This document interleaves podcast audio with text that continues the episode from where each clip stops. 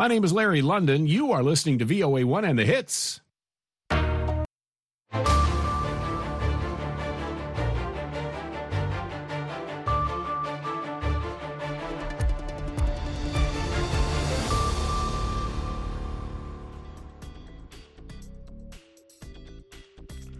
Halkani waa washington laanta af soomaaliga ee v o a oo aad ka dhagaysanaysaan mawjadaha gaagaaban efemyada geeska africa iyo caalamkao dhan oo aad nagala socotaan boggeena internetka ee v o a somaly com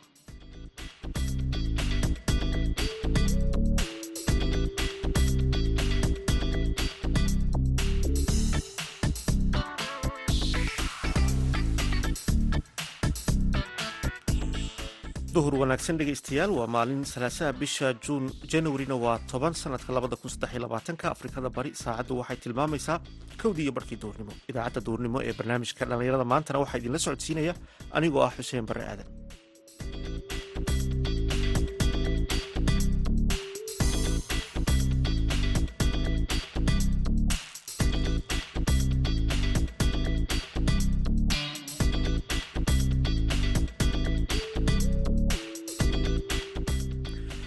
qodobada aad ku maqli doontaanna waxaa ka mid a kulan looga hadlayay dhibaatada uu maandooriyuhu ku hayo. Dhallinyarada iyo sida wax looga qaban lahaa ayaa lagu qabtay magaalada muqdisho.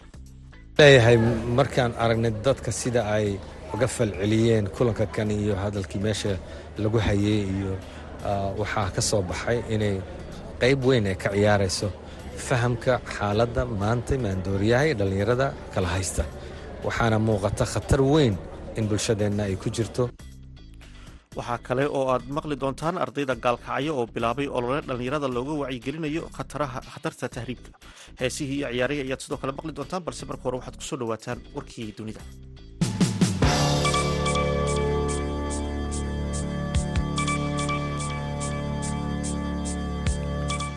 Maxkamad ku taalla dalka iiraan ayaa shan sano oo xadhiga ku xukuntay faa'iza haashimi oo ah gabar uu dhalay madaxweynihii hore dalkaasi iiraan akbar haashimi rafsanjani waxaa la xidhay bishii sebtembar waxaana loogu eedeeyey inay halis gelisay amniga guud ee dalkaasi.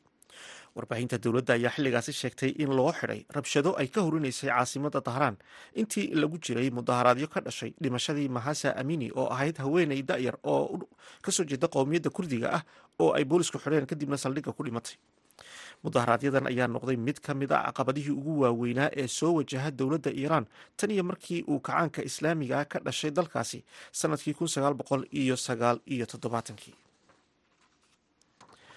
xaaska madaxweynihii hore dalka brazil jair bolsonaro ayaa sheegtay in ninkeeda loo qaaday isbitaal ku yaalla gobolka florida ee dalkan maraykanka isaga oo ka xanuunsanaya caloosha arrintan ayaa ku soo beegantay maalin uun kadib markii kumanaan taageerayaashiisa ah ay xoog ku galeen xarumaha dowladda ee caasimadda brazil.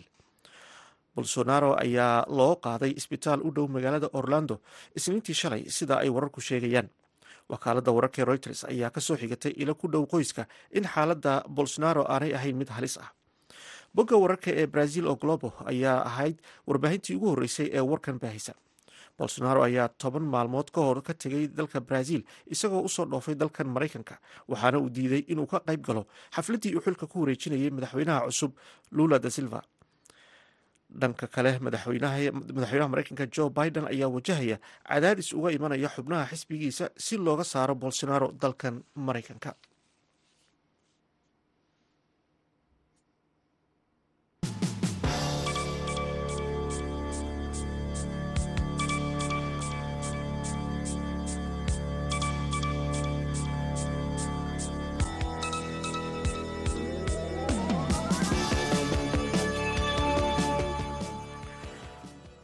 halkaad nagala socotaan waa laanta af soomaaliga v o a. Waxaa magaalada muqdisho lagu soo gabagabeeyey shirweyne looga hadlayay dhibaatada maandooriyaha uu ku hayo bulshada gaar ahaan dhalinyarada waxaana muddo laba maalin ah uu socday lagu soo bandhigay cilmi baaris lagu sameeyey waxyaabaha ugu badan ee hadda dadku ay maandooriye ahaan u qaataan. Sidoo kale waxaa shirkaasi qayb ka ahaa dood cilmiyeed ay ka qayb galeen wasiiro ka tirsan dowladda federaalk soomaaliya. Waxaa muddadii uu shirku socday ka hadlay dhakhaatiir ka kala socday xarumo caafimaad oo ku yaalla gobollada dalka. Kuwaasi oo ka sheekeeyey kiisaska la xidhiidha dadka qabatimay maandooriyaha iyo sida ay ula tacaalaan. Wariyaha v o eda magaalada muqdisho cabdicasiis barrow ayaa la kulmay cabdi axmed baafo oo ah agaasimaha guud ee hay'adda dhaxal reeb oo shirweynahan soo abaabushay waxaana weydiiyey nuxurka shirkan iyo waxa xilligan ay u qabteen. Annaga xarun ahaan ujeeddooyinka aan u taagannahay waxaa ka mid ah in la xiriiriyo aqoon-yahanadii iyo xirfadlayaashii kala duwanaa ee qaybaha kala duwanee cilmiga iyo xirfadaha wax ku soo bartay oo dadkii hore ah iyo jiilkan cusub in la xiriiriyo. Xiriirintooda markaa waxaanu hadda jeer fiirinaa meelaha lagu yaryahay. Xirfadlayaasha horeeto waxay ku yaryihiin caafimaadka dhimirka ayay ku yaryihiin marka waxaan jeclaysanay inaanu isku darno labadooda aan isu keenno jiilka cusbaa waxaanu nidhi markaa isu keenistoodana aanu ku xallin mushkilad ijtimaaci ah oo jirta bulshada dhexdeeda ka jirta. Waxa aanu markaa aragnay arrinta aad loo hadal hayo oo dadkao dhan ay afka ku hayaan inay tahay dhallinyarada imaandooriyaha. Marka waxaanu nidhi markaan kaas aanu shirweynaheenna aanu kaga shaqayno dadkii soo jeediyey waraaqaha soo jeediyey waxay ahaayeen dad laga codsaday inay xoogga saaraan dhinaca caafimaadka saaraan. Maalintii koowaad iyo maalintii labaad gelinkeedii horeba waxay ahaayeen waraaqo cilmigaho la soo jeedina cilmibaarisayaal la sameeyey. Annagana xarun ahaan waxaanu sameynay cilmibaaris aad u ballaaran. Cilmibaaristiinu maxay ku saabsanayd? Ciwaanna maxaad u qaadateen waxay ahayd inaan bal eegno xaaladda maantay cilmibaarista maandooriyaha ee gobolka kambanaadir iyo dhallinyarada. Waxaan wareysanay ilaa iyo afar boqol iyo toban qof baan wareysanay oo isugu jiray arday dugsiga dhexe iyo dugsiga sare dhigatay jaamacadaha dhigta bajaajley iyo b l kuwa wada. Waxaan kaloo aan dhex tagnay ciyaalka darbijiifka ahee jooga ceelgaabta jooga oo maalin dhan aan la joognay. Waxaan kaloo aragnay kuwa laga badbaadiyey oo hadda ku sugan xarunta khayr allah siiye maama ogaasa jooga. Ayaan ayagana dhinaca kale sidii ay ahaan jireen iyo maanta isbeddelka ku dhacan ayagana aan ka wareysanay. Waxaan macalimiin keliya sheeko aan u qabannay dhakhaatiir keliya aan sheeko u qabannay ayagoo isku dhafan oo dad kaletan ay ku jiraan aan u qabannay. Intaasoo dhan waxay ahayd bal in la helo macluumaad waafiya oo ku saabsan waxa socda. Madax ka tirsan dowladdaadii timid dad kale oo arrimaha caafimaadka iyo maandhayadda ka shaqeeya ayaa gobollada dalka ka kala yimid oo somalilan iyo hirshabeelle iyo sidoo kale koonfur galbeedba ka socday muqdisho dadaad ka keenteen. Waxaad iiga warantaa nuxurka kulankan iyo mustaqbalka waxaad filaysaan inay ka soo baxaan. Waxaan is leeyahay markaan aragnay dadka sida ay uga falceliyeen kulanka kan iyo hadalkii meesha lagu hayey iyo waxaa ka soo baxay inay qayb weyn ay ka ciyaarayso fahamka xaaladda maanta maandooriyaha iyo dhallinyarada kala haysta. Waxaana muuqata khatar weyn in bulshadeenna ay ku jirto waxaa kaloo iyadana la tilmaamay in loo baahan yahay in wax laga qabto. Marka wacyigelin xoog leh baa dhalatay oo wacyigelintii hore u socotay ee ku sii biirinaysa xoog ku sii biirinaysa dardargelinaysa waxaana meesha intaan joognay la ballan qaaday intii timid oo dhan in ay qayb ka noqoto ballaarinta iyo gaarsiinta tallaabooyinka loo baahan yahay in la qaado si lagu ciribtiro arrinta tan oo lagula dagaalamo waxyaabaha ugu badan oo ay dadku aad uga hadleen oo ku saabsan arrimaha maandooriyaha oo aadka looga cawday macallimiintii dadkii doodan ka qayb galaya shirkan ugu badan oo ay soo bandhigeen maxay ahaayeen? Wallaahi maalan markii aanu macallimiinta cilmibaarista aan kala sheekaysanaynay waxay aad u tilmaameen toban sano ka hor. Mushkiladdii jirtay oo laga qaylinaya waxay ahayd jaad iyo sigaar. Wax kale ma jirin marka waxa maanta taagani waa wax nagu soo kordhay sanooyinkan dambe nagu soo kordhay. Waa wax sanooyinkan dambe nagu soo kordhay mataqaanaa si xawlina aan u sabay waxaa la hadal hayaa waxyaabaha soo kordhay waxaa ka mid a waxaa weeye daawooyinkii loo isticmaali jiray in caafimaadka lagu helo oo marka kan loo isticmaalo sidii mukhaadaraadkii loo isticmaalo oo maandooriya ahaan loo isticmaalo. Waxaa kaloo kaniinigii baa soo kordhay taabuuga kan oo la leeyahay dibaddu ka yimaadaa jaadku ku dhex jiraa alaabta kaleeto dibadda laga keena ee maxaanfudada soo mara ku dhex jiraa la leeyahay oo aad u batay. Waxaana nasiib daraa in aad raqiis u yahay oo markaasna ardadii ay gadan karaan oon waxba ugu fadhinin. Kun dolar saddex kun buu ahaan jiray maanta. Saddex kun oo shilin buu ahaan jiray. Maanta waa kun shilin. Cid kastaa heli karta. Si fudud in wax looga qaban karo marka. Waxaan qabaa haddii laysku kaashado waa la qaban karaa mas'uuliyadda koowaadna waxay saaran tahay dowladday saaran tahay maxaa jira waxa kan waa wax dibadda ka yimaadoo soo gala? Marka dowladda ilaa inay tallaabo ka qaado dad badanna waxay tilmaamayaan qaadkan yacni ma ahan oo keliya dhaqaale ahaan inuu dalkii curyaamiyey oo xoolo badan oo dalka geli lahaa wax lagu qabsan lahaa aanu caleyntaas aan siisanno oo daroogada aan siisanno oo aanu dad shisheeye aan siinayno dhibka bulshada ku hayo inaad maxaan ku rahdaa aad loo hadalhayo marka cidda keliya wax ka qaban kartaana waa dowladda waay dowladdana inay garato in canshuurta ay ka helaysaa iyo dhibka ijtimaaciga ah oo ka dhalanaya wax laysku doorsada inayn ahayn. Taasina sahal kuma imaan doonto. Waxaan u malaynayaa inay u baahanayso wax sheeg iyo ololo ballaaran aad ayuu mahadsan yahay cabdi axmed baafo oo ah agaasimaha guud ee hay'adda dhaxalreeb oo magaalada muqdisho ugu waramayey wariyaha v o eda cabdicasiis barrow halkaad kala socotaana waa laanta af soomaaliga v o a markana ku soo dhawaada mid ka mid a heesaha aan idinku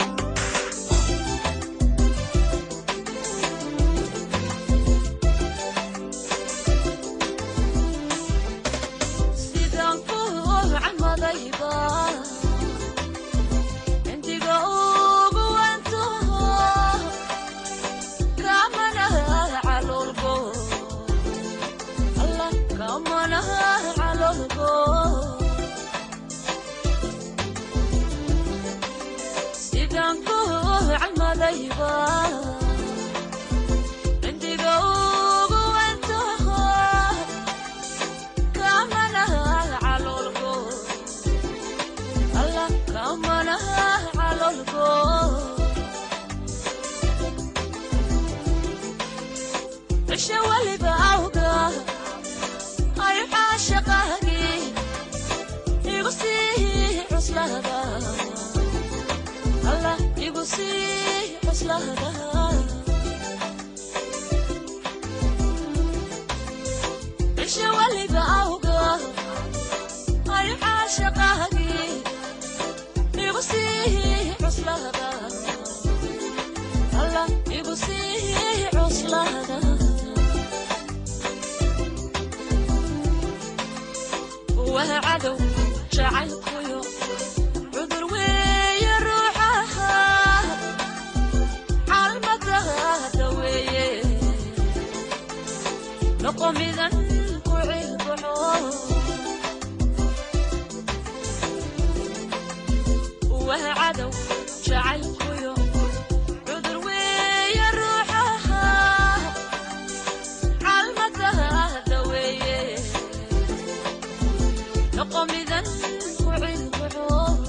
waa codkii farxiya fiska iyo muusikii bashiir hanuuniye iyo weliba habeyntii hanuuniye stuudiyo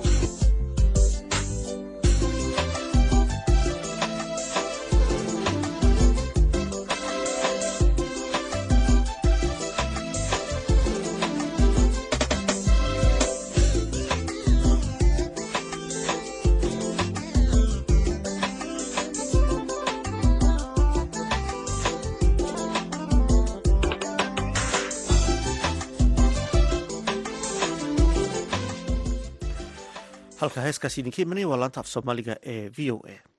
Ardayda dugsiyada gaalkacyo ayaa bilaabay olole ay dhallinyarada magaalada uga wacyigelinayaan halisaha tahriibka ardaydan ayaa doonaya in la joojiyo tahriibka ayna dhallinyaradu u imaansadaan dalkooda ayna arimahan oy aaminaan kartidooda. Cabdiwaaxid macalim isxaaq ayaa warbixintan soo diray. Kadib dhibaatooyinkii dalka soo maray ee dhalintu dhaxalsiisay in badaha caalamiga ah ay isku dayaan inay uga bakoolaan qeybo ka mid a dalalka qurbaha ayna kala kulmeen dhibaatooyin isugu jira xabsi dhac kufsi iyo dhimasho.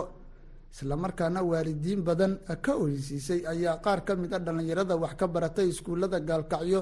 Waxa ay bilaabeen wacyigelin goob walba ay kaga qaylinayaan in tahriibku yahay dhibaato ibraahim maxamed warsame ayaa iiga sheekeeyey sababta ku kaliftay in ay bilaabaan wacyigelin ka dhan ah tahriibka. Markaan aragnay dhallinyaradii wadanka oo ku dhamaanaysa badaha mediterraneanka markaanu aragnay dhalinyartii gobolka iyo dhalinyartii reer puntland oo ku dhamaanaysa badaha si micno daraha ugu dhamaanaysa. Haddana wadankii ayadu aan ognahay kheyraadka iyo faa'iidada iyo sida uu wanaagsan yahay markaanu aragnay annaga iyo dhalinyaro kale oo fara badan gobolka mudug ka soo jeeda kenya oo ardayda wax ka barata ah.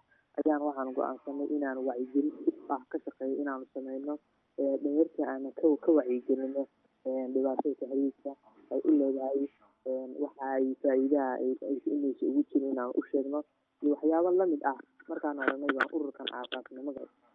Waxa waxyaabo badan baan wacyigelinta ka qabanay dhalinyarta horta wacyigelin keliya uma sheegnay annagu dhalinyarta waxaan u qabanaa kulamo fara badan inaan iskuullada ugu booqano inaan kulamo u qabano dheela ama meel xaflad aan ugu oo kale. Baan u qabano wacyigelin toosa dhan ugu sheegnaa. Si qaasa xataa qofka waa ugu tusnaayo si qaasaan u wacyigelinaa. Haddiisan meesha weynaysan wacyigelin saa ugama harno qofka. U sameynaa. Inta markaan wacyigelin shukri oo ka mid ahayd dhallinyarada qayladhaanta ka dhanka ah tahriibka wadda ayaa sheegaysa in dhibaatada ugu badan ay la kulmeen hablaha tahriibka gala. Walaala haddaan qiimeyn ku sameynay percentageka halkan dadka ka tahriiba ee gobolkan mudug horta raggaa u badan laakiin ayaga dumarka laftirkoodana ma yara dumarkii yani hadda raggii dumarkii labadii waa tahriibayaan raggiiba u badan laakiin dhibka ugu badan waxay soo gaartaa waa dumarkii. Sida hadda dumarki rag iyo dumar isku mid maaha dumarku waa wax iska jirjilicsan waa dareemi kartaa markii hadda la lugeynayo o kale markii tagan waxaa laga yaabaa inay kufsi oo kale la kulmaan. Waxaa laga yaabaa inaysan dhibta socodka saxaraha marka la marayo kale aysan u dulqaadan karin. Waxyaabo badan baysan u dulqaadan karin oo ninka ragga u dulqaadan karo. Dhibta ugu weyn oo ka soo gaartana waxa weeye iyagoo lagu sameeyo faraxumeyn iyo kufsi iyo dhibtaas oo dhan dhibaatada tahriibka oo ah mid soo laalaabatay haddana dhalintu aysan ka joogsan safarka silaca iyo xanuunka badan ayaa waxaa waalidiinta qaar marar ay maqlaan caruurtooda in ay galeen gacanta koox loo yaqaana magafe waxaa waalidiinta ay ku hamiyaan in ay sameeyaan wax kasta oo suurtagal ka dhigi karta xorriyadda caruurtooda si loo helo. Waxaana ibraahim uu iiga waramayaa mid ka mida waalidiin ay ku dhacday dhibaato tahriib oo uu la kulmay. Waxaa jirta maamo ay ka safartay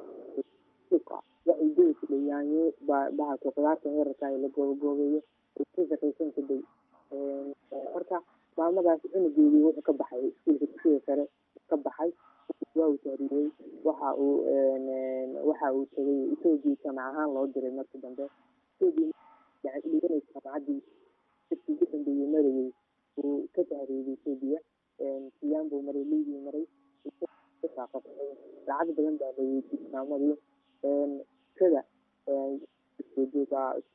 dambeyn lacagtii waa laga bixiyey aya laga bixiyey cunugii wuxuu ku dhintay badiibuu ku dhintay taas xanuunka qoyska maamada ilaa ku aan xiriir sidii ay ahayd ma aha dareenka u lahaydo ay u kala dareenka waxa san waxa xun ma aha qalbigeeda haddaad wareysata xataa inay tagan oo saddex sana laba sana ay ka soo wareegtay haddaad wareysatid waxaad ka xanuunka uu ku beeray cunugeeda orodka ahaa xanuunka ay ku beertay dhibaatada si ay wax kugu dhaceen.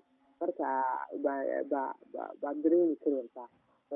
Waanu la kulnay maamooyin badan waxaan u sameynay filin waxaanu ilaahay baan u ducaynay. Sabiibadan waxaanu ka codsanay jimcooyinka kale ducooyin loogu samey shukri ayaan weydiiyey waxa ay ka bedeli karto wacyigelinta ay wadaan dhallinyarada ku haminaysa tahriibka waxyaabo badan bay ka bedeli kartaa oo qofka bini-aadanka marka waxyaabo badan loo sheego oo lala hadlo qof lala hadlayo aad hadal u sheegtay iyo qof aan lala hadlin labada qof farqi weyn baa udhexeeya haddaa qofkaan dhowr jeer wax u sheegtid oo dhibtii aad u sheegtid dhib badan oo soo dhacdhacday haddaad dhacdadii uga sheekaysid haddaad yacni aad qofkii aad waxyaabo badan uga sheekaysid oo dhibta ay leedahay tahriibto kale wuu dareemi karaa.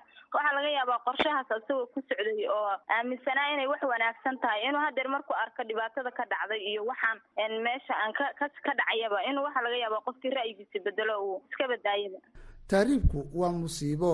Dhalinyarada soomaaliyeed waxay ismoodsiiyaan safarka dhulka iyo badda ee siliciisa le waxaana dhibtu ay isku ilowsiiyaan in ay mar un tegayaan dalalka qurbaha oo ay aaminsan yihiin inay ka helayaan nolol ay ku iloobayaan muujadihii ay soo mareen. Cabdiwaaxid macalin isxaaq v o a gaalkacyo halkaad weli nagala socotaana waa laanta af soomaaliga ee v o a. Markana ku soo dhawaada xubintii ciyaaraha.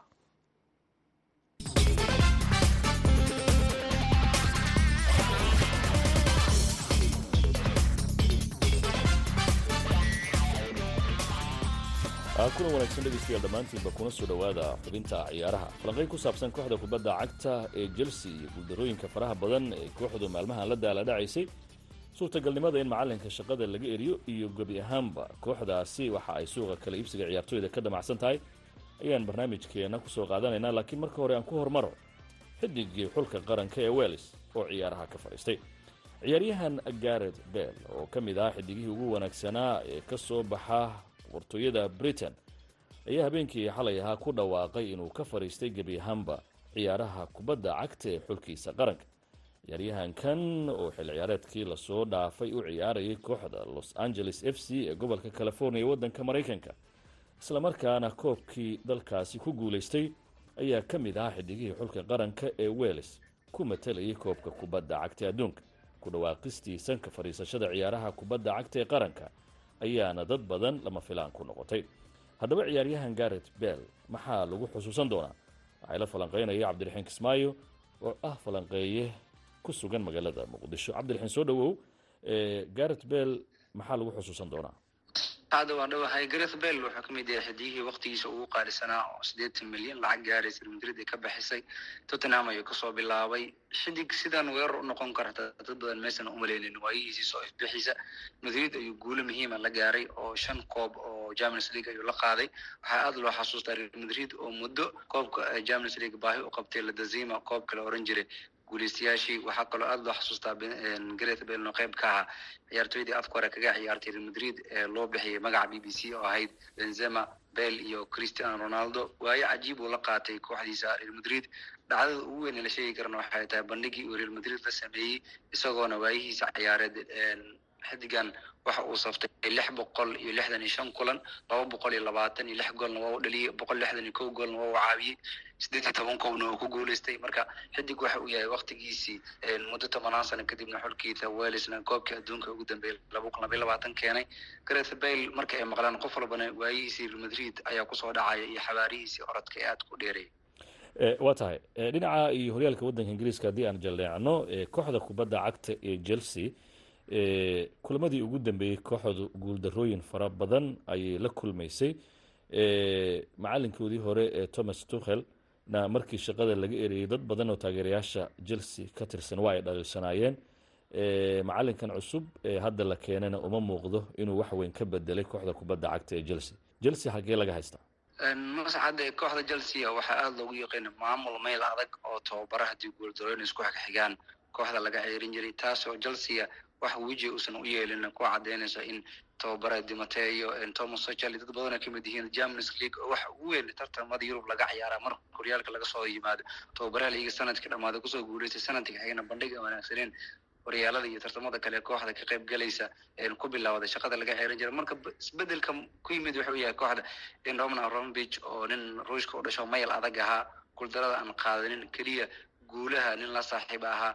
Marka isbedelkii maamul ee kooxda ku dhacay in maamul cusub iibsaday taariikhdii manage ku dhacdoo kale laba kun iyo saddex toban markuu sare ka tegey moyes oo everton iska maamulayay oo koox guulo badan aan horyaal ku guuleysana ayaa kooxda la keenay. Marka si la mid ah markii thomas ochel meesha ka baxay ottergram oo brighton meelaha sare horyaalka bilawga ahaa la jooga kooxda la keenay. Marka koox ka weyn iyo ciyaartooy iyo maamul adag meel u baahan ayuu yimid laqabsiga iyo kooxda oo tartamada ciyaareysa ayaa keentay in wakti ku badan muusan helin oo kooxda ku fahmo laba tartan oo isku xogta mancity ay labadii marba ka adkaatay iyadana kooxda ciyaartooy muhiima haysato. Kuwo kale la soo wareegtay xalay ugu dambeysay in heshiis la gaarto joe falakis xidigaha keedka ku jira iyo kuwa ciyaaraya kuwa dhaawac ka maqanba chelsea ciyaartooy isku qaabeeg inay haysato. Haddana maamul xumo ama tababaraha in capacity ka weyn kooxda inuu yimid gram ayaa muujinaysa. Marka in abramovich uusan kooxda maamulkeeda ku joog ka mid ahayn ayaa aad dadka qaar waxay leeyihiin nasiib uu leeyahay gram in uu sii joogo waktigan chelsea waa garta laakiin dhinaca kale markaad eegto xidigo aada u badan ayaa kooxda dhaawac kaga maqan. Dad badan oo macalinka difaacayana waxa ay leeyihiin looma aanayn karo guuldarooyinkan isaga keligii ama maamulkaba. Waayo xidigihii kooxdu ay ku duuli jirtay kalabar waa dhaawacan yihiin. Dhinaca dhaawaca guuldarooyinka ma ugu wacan tahay mase chelsea waxay ahayd inaanay dhaawacaasi u dhutanin maadaama ciyaartooy fara badan ay waa wax laga gaashaanto maamulkana aada ugu dadaalaan ciyaartooyda bedelba qofka bedelkiisa in loo helo chelsea maanta ciyaartooy uma yara bosishinada ka dhaawacan ciyaartooy u dhigma way haystaan. Laakiin waxaa mararka qaar tababaraha oo aada loogu dhaliili kara ay noqonaysaa hadigaha koowaad ee safka hore ee muhiimka markii ay baxaan oo kale hadigaha bedelku noqdo sida la raba inaysan u ciyaarin taasi waxay noqon kartaa dadka difaacaya inay qayl ka dhigtaan. Laakiin ma ku jirto tartamada la ciyaaraya in haddii kaa dhaawacmaan kooxda dhibaata ay la soo gudboonaato aadan aanan loo aaneyn karin. Chelsea waa koox weyn hardan ku jirta aan ognahay man city iyada xifaaltanka weyn oo ka dhexeeya laba kun labaatan champions league laga qaaday. Marka laba kulan isku xigto oo laba tartan ah in la garaacay ayaa umalaysaa chelsea inuu pep guardiola aada uga cil furtay. Ciyaartooyda dhaawaca waa suurtagal laakiin kooxda marka horeba waxay ku dhisan tahay inaan koox xidii xidii ka tago ama dhaawacma aan loo dhutinin oo bedelkiisa joogaan aad baad umahadsantahay kaasi waxu cabdiraxiin kismaayo isagoo jooga magaalada muqdisho barnaamijka marti igu aha haatan haddii aan jaleeco kulamada caawa dhacaya waxaa ka mid ah koobkii efl kaabka oo laba kulan laskaga hor imaanaya kooxda kubadda cagta manchester united ayaa jarlaton athletic.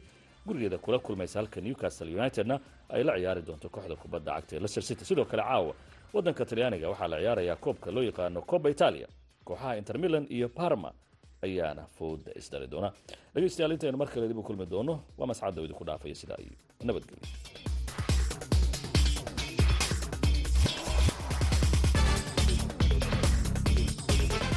aad ayuu mahadsan yahay maxamuud. Mascado nala socodsiinaya xubintaasi ciyaar halkaad kala socoteen waa laanta af soomaaliga v o a markana aynu ku wada nasano mid ka mid a heesaha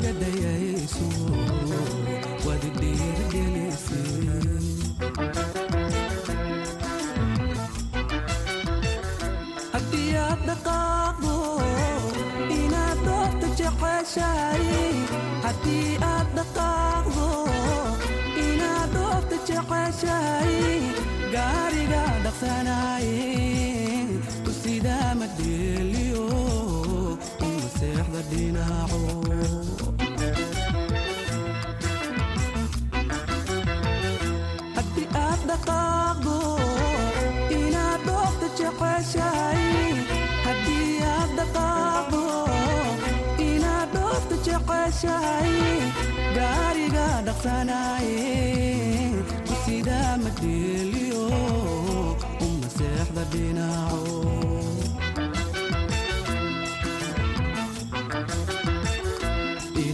dhankaalkiyo kuma tusa dhibaato ayan